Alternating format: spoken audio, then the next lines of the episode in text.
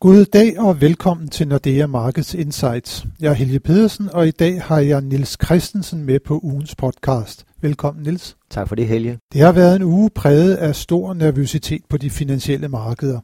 Et stigende smittetryk, bekymrende udtalelser om den amerikanske økonomi fra viceformanden for Fed, Richard Calrita, og lunkne nøgletal fra euroområdet har ført til faldende risikoappetit blandt investorerne. Konsekvensen har været vaklende aktiekurser og en styrket amerikansk dollar, der for tiden handler på det stærkeste niveau over for kronen siden slutningen af juli måned. Og Niels, den større usikkerhed på markederne, er det noget, som vi skal begynde at vende os til efter en lang periode med stigende risikoappetit øh, for investorerne? Det er det måske. Øh, du nævner selv nogle øh, risikomomenter øh, faktorer, vi lige pludselig skal forholde os til. Øh, jeg tænker ikke mindst på den uheldige udvikling i coronasmittet, ikke mindst i Europa.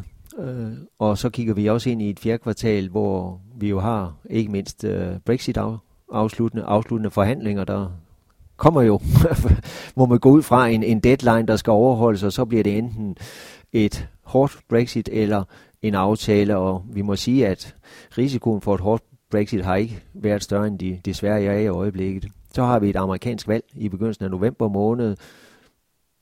Også et usikkerhedselement. Øh, så der er altså noget på, på radaren, som, som gør, at vi måske ser nervøsitet, fortsat nervøsitet blandt, blandt de, øh, de globale investorer. Og det, det er det, vi ikke, bare, ikke kun har set i den forløbende uge, men stort set i hele september måned. Øh, de fleste aktieindeks er blevet handlet ned. Og hvis vi ser i USA, et teknologiaktierne, altså Nasdaq, er faldet med stort set 10 procent. Så det er jo en stor korrektion, øh, selvom vi jo haft, har haft en endnu større stigning i aktiekurserne hen over sommeren.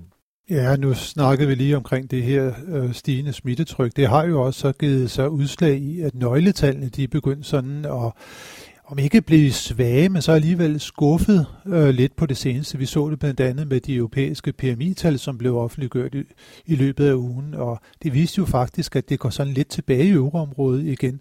Vi kan glæde os over, at det går fremad i Tyskland fortsat, men det ser ud som om nye restriktioner, og det er sommerferien er overstået, det ser ud til, at det slår igennem på servicesektoren igen. Ja, ja øh, du nævner Tyskland, og Tyskland er vel et af de lande i Europa, hvor smittetrykket eller smittespredningen faktisk er mindst, øh, mens i både i syd og, og vi må jo sige desværre også her hos os selv i Danmark, er det stærkt stigende.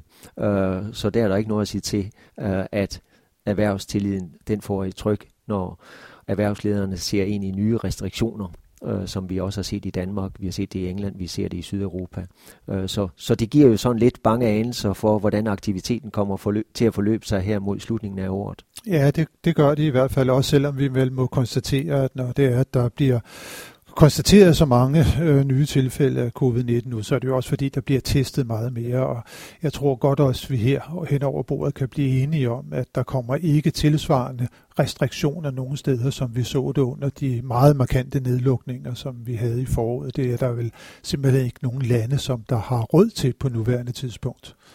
Men, øh, men alligevel så kan det tyde på, at det her genopretning af økonomien måske kommer til at tage lidt længere tid, end hvad der var nogen, der havde håbet på for, for bare et par måneder siden. Ja, desværre. Og så udover det, så er der, som du siger, så er der stor usikkerhed med valget og i USA og, og, og Brexit. Hvordan vil det her så komme til at påvirke den amerikanske dollar? Fordi vi har jo sådan i vores prognoser været ude på, at vi skal have en svækkelse af den, men den, den, den styrkes lige nu. Det går sådan den er lidt imod Den er øh, blevet styrket pænt. Øh, ja, I dansk regning er vi kommet op omkring de 6 kroner og 40, og vi skal vel blot tilbage i slutningen af august, begyndelsen af september måned, var vi nede omkring de 6 kroner og 20.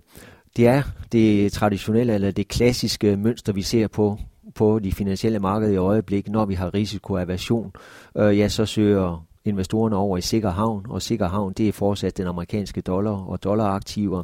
Renter, markedsrenterne bliver presset ned, øh, og så ser vi, at måske ikke alle andre valutaer, men rigtig mange valutaer de bliver så svækket. Øh, vi ser det, pundet er lidt specielt, fordi vi har Brexit-usikkerheden, men vi ser det på de skandinaviske valutaer. De har haft en svær måned her, september, og også naturligvis på emerging market valutaerne. Der er der også mange, der er presset rigtig, rigtig øh, meget.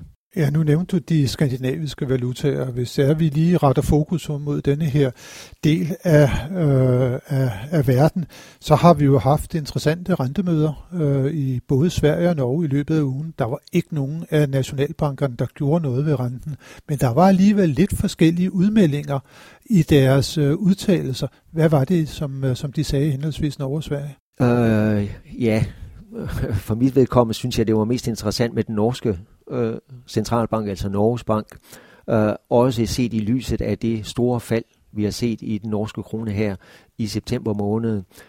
Over for den danske krone er den norske krone faldet med faktisk 7 procent. Det er, er, hvad vi førhen ville have betegnet som et dramatisk fald i den norske krone inden for en periode på blot 3-4 uger. Nu ved jeg godt, at det blegner i forhold til det store fald på 25 procent, vi så tilbage i marts måned, men stadigvæk for danske virksomheder, som eksporterer til Norge, er det ikke så sjovt øh, at nu stå her snart 30. september, og så er en norsk krone altså 7 procent mindre værd end for blot 3-4 uger siden. Norges Bank er en af de få centralbanker, jeg næsten sige hele verden, eller i hvert fald i OECD-landene, blandt OECD-landene, som er sådan svag optimist med hensyn til de, de økonomiske udsigter i, i Norge. Norge har klaret sig bedre gennem coronakrisen end så mange andre lande, så derfor signalerne fra Norges Bank er, at de er godt tilfreds med den rente, de har i øjeblikket, som ligger på 0%. Øh, og når de kigger i krystalkuglen om, hvad der skal ske med renten på sigt, altså inden for deres prognoseperiode, som løber de næste tre år, ja, så regner de med, at renten kommer til at blive sat op, og bliver sat op allerede i anden halvår 2022. Ser vi på alle de andre store øh, og OECD-centralbanker, jamen så har de mere travlt med at forsikre markedet om, at de fastholder deres styringsrenter tæt på 0, i, om ikke i uendelighed, så i hvert fald i mange år øh, ud i fremtiden. De er klar til at, og, hvad hedder det, øh, yderligere stimulans til økonomierne, så der er der slet ikke nogen signaler om, at renterne kommer op. Det er der hos Norges Bank. Øh, men der kan man jo også sige, Niels, at Norges Bank øh, havde noget at give af, da krisen satte ind. De har sat renten ned med 150 basispunkter fra øh, 1,5 procent til nu 0 procent. Så det er måske også mere naturligt, at man i Norge snakker om, at vi kan begynde på et tidspunkt at normalisere, altså sætte renten op, men måske lande på et niveau, der var under det niveau, som man, man startede med at sætte ned fra. Ja, bestemt, bestemt. Og vi skal heller ikke glemme, at Norge jo er specielt i, i den forstand, at de har jo en buffer i den store oliefond, som de også drager nytte af netop nu, ganske fornuftigt øh, at de der bruger store midler til at, at sætte gang i økonomien og efterspørgselen. Så vi har set forbavsende stor efterspørgsel i Norge her hen over sommeren.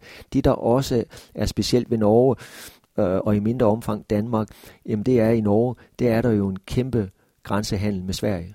Og den er jo lukket ned nu her, så nordmænd må altså gå ned i deres egen hos deres egen købmand og, og købe øh, mel og sukker, og det kan vi tydeligt se, grænsehandlen er halveret Øh, og det betyder jo, at det norske detaljsalg, jeg vil ikke sige, at det blomstrer, men, men det kan man måske egentlig godt sige. Øh, så det er jo positivt. Og det betyder så også, at vi ser inflation i Norge. Øh, øh, faktisk det højeste, vi ja, har set i rigtig mange år. Der er en inflation i Norge på, på 3,7 procent, og det er faktisk noget, mange centralbanker misunder Norge, at de, de, øh, de øh, evner at, at få, få lidt prisstigninger ind i, i samfundet, øh, og det giver jo så også hvad skal man sige, øh, begrundelse for at hæve renten på sigt, så den selvfølgelig ikke skal løbe løbsk i, i Norge. Ja, det er en, øh, en sjov økonomi på mange måder. Den skiller sig godt nok ud fra resten af, af verden. Bare du siger en inflation på, på 3,7 procent, men også nordmændene, der ikke rigtig kan tage til Sverige for eksempel og handle længere. Og så slår den, øh, den svage norske krone nu altså også igennem voldsomt på, på importerede øh, øh priser. Så men det går jo ellers også lidt bedre i, i Norge. Det var også noget af det, som, øh, som Norges Bank lagde, lagde vægt på i sin, øh, sin analyse, og vi har jo også selv kommet med en relativt kraftig opjustering af forventningerne til norsk økonomi i år i forhold til den prognose, som vi kom med i, øh, i maj måned.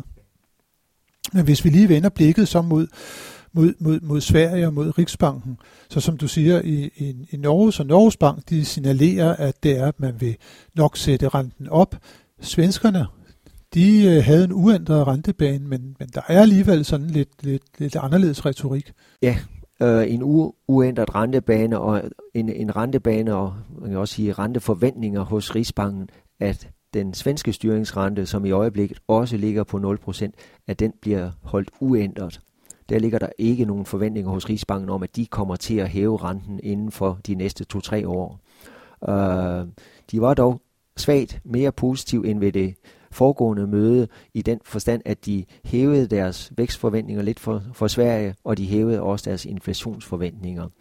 Men jeg vil sige, i samme åndedrag, så nævnte de også, at kommer der skuffende nøgletal, jamen så er de parat til at sænke renten, øh, og da den er 0% i øjeblikket, så betyder det også, at de er parat til at sætte renten ned i negativ territorie igen. Og jeg siger igen, fordi Rigsbanken førte jo, øh, havde en negativ styringsrente, var det fra 2015 og så frem til december sidste år.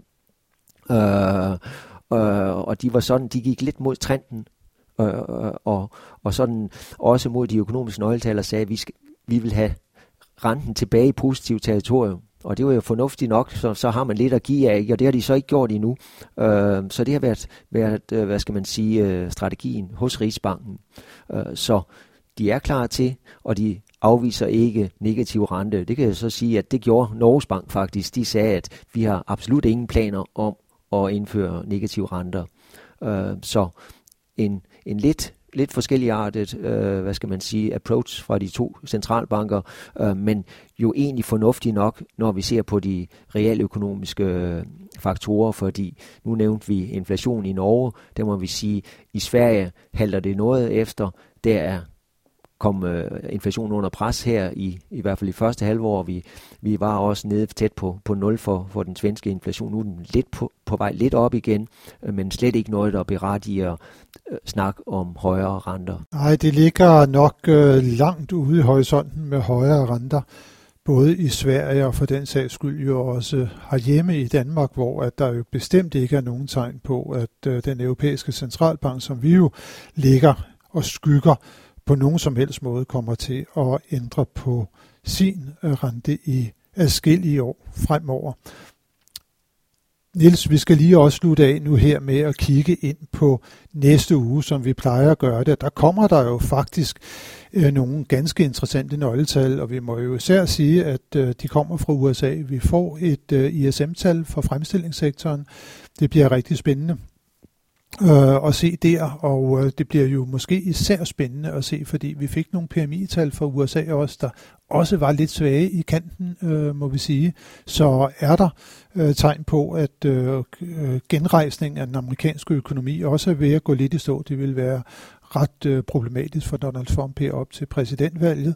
Og så får vi jo kongetallet, altså nøgletallet for arbejdsmarkedet, øh, arbejdsmarkedsrapporten, der som altid bliver offentliggjort på den første fredag i en måned. Og vi skal også lige vende blikket på, mod øh, euroområdet på onsdag, hvor at de såkaldte flash-inflationstal bliver offentliggjorte. Sidste gang der kom øh, det overordnede inflationstal det kom ud på minus 0,2 procent, og det er faktisk også det, der er forventningen denne her gang. Altså så fortsat sådan lidt deflationær tendens i, i euroområdet, og så en formentlig også meget svag kerneinflation. Og det er jo ikke tal, der lægger op til, at der skal komme rentestigninger hverken i USA eller i eurozonen. Begge begge store centralbanker har jo været ude og, og forsikre næsten så godt de kan, øh, at renten bliver fastholdt på de lave niveauer i i øh, USA, ja, det er det tæt på 0, altså stadigvæk i positiv, og i eurozonen er det i negativ, negativ renter, vi har i øjeblikket. Ja, det er et lavrente scenarie, som vi kigger ind i. Ingen tvivl om det. Men tak for nu, øh, Nils, og tak til alle jer, som har lyttet med til denne uges podcast. Det håber vi også, at I vil gøre, når vi igen er tilbage med analyser og vurderinger af de finansielle markeder i næste uge.